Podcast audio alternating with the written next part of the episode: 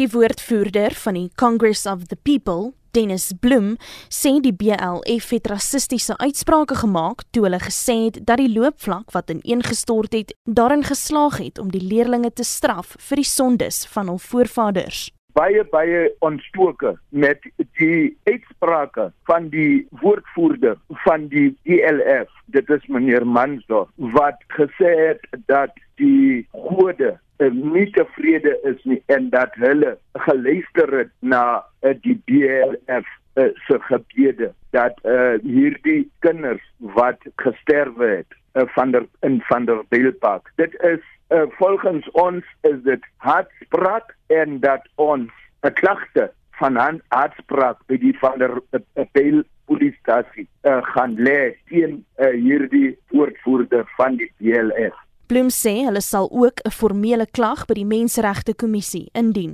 Ons sê dat enige ene wat hom skuldig maak aan hartspraak behoort in die tronk. Hartspraak is nie wenslik in Suid-Afrika en is 'n oortreding. Daarom wil ons hê dat die gereg moet sê moet sê gaan gaan. Ons hoop dat die Menseregte Kommissie moet ernstig uh, hierdie saak ondersoek, net sowel die polisie.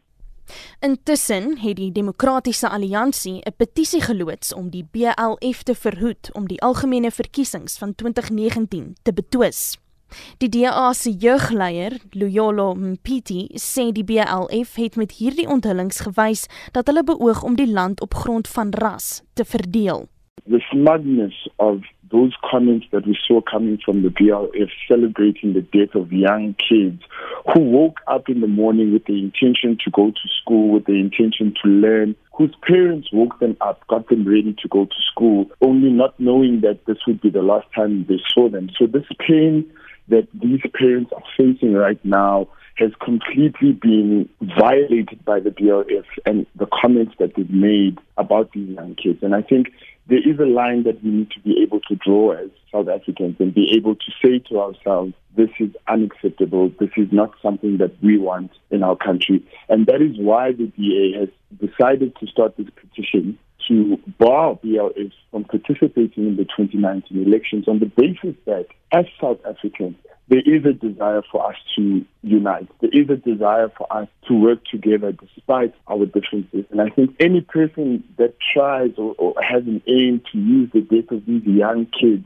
to drive a political message is someone that really needs to face up to justice.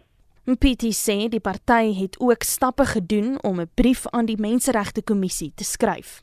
We've also asked them to expedite this investigation so that their representations can be made to the IEC for the IEC to really decide whether this is a, an organization or a group that should be contesting elections this year, that, that should be making an offer to South Africans when, in fact, they celebrate the death of young kids. And that, for me, is something that, as a young person, I'm standing up for and saying that that is not a South Africa that I want to be part of or that I want to live in. Pietie meen egter ook dat diegene in Suid-Afrika wat rassisties optree, moet dadelik voor stok gekry word. Hy sê as kinders se dood net oor hul ras gevier word, is die land in groot gevaar. That needs to come out is that as South Africans, our spirit must be more stronger, must be more defined to say that these people are not going to speak on our behalf. These people don't represent what we want South Africa to look like. And it's not about who's outraged and who's not outraged. It's about what are we going to do to change this narrative to be different for those kids that you know that are still coming into this world that have lost their lives. They need or deserve us to be better for them. Die woordvoerder van die Congress of the People, Dennis Bloem, ondersteun die standpunt dat die BLF verhoed moet word om aan die verkiesing deel te neem.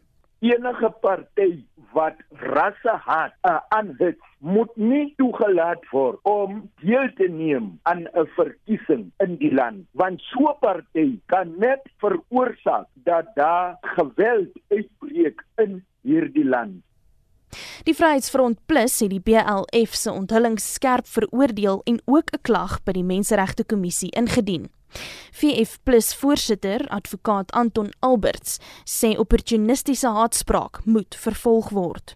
Ons verneem ook dat um, ander organisasies hom na die gelykheidshof toe gaan neem en ons dink dit is reg so. Daar moet 'n bevinding gemaak word en ons dink eintlik dat hy moet tronkstraf kry. Daar moet 'n voorbeeld gemaak word van mense soos hierdie, want hulle verteenwoordig nie die meeste van die mense in Suid-Afrika nie, maar dit lyk nader aan so as hulle aanhou hierdie goed uitlaat, hierdie um, hierdie absolute rassistiese en haatlike stellings maak en niemand ehm um, vat hulle aan en hulle word net toegelaat of hulle word net ruimte gegee om aan te gaan met hierdie spraak. As jy gaan kyk na die wetgewing en die gedragskode politieke partye, dis al blaatante verbreeking daarvan en is daar baie baie sterk gronde om die BLF as 'n politieke party te skrap in terme van die huidige wetgewing. Indien die OFK dit nie sou doen nie, dan moet hulle baie goeie reggronde hê om dit nie te doen nie, want ek is seker daar gaan hofsaake kom daaroor en um, ek sou dink dat hulle baie duidelik en en helder moet dink oor die situasie en dan 'n besluit neem. En ek dink dit is redelik vir die hand liggend dat hulle kan nie die BLF voorgaan as 'n politieke party nie.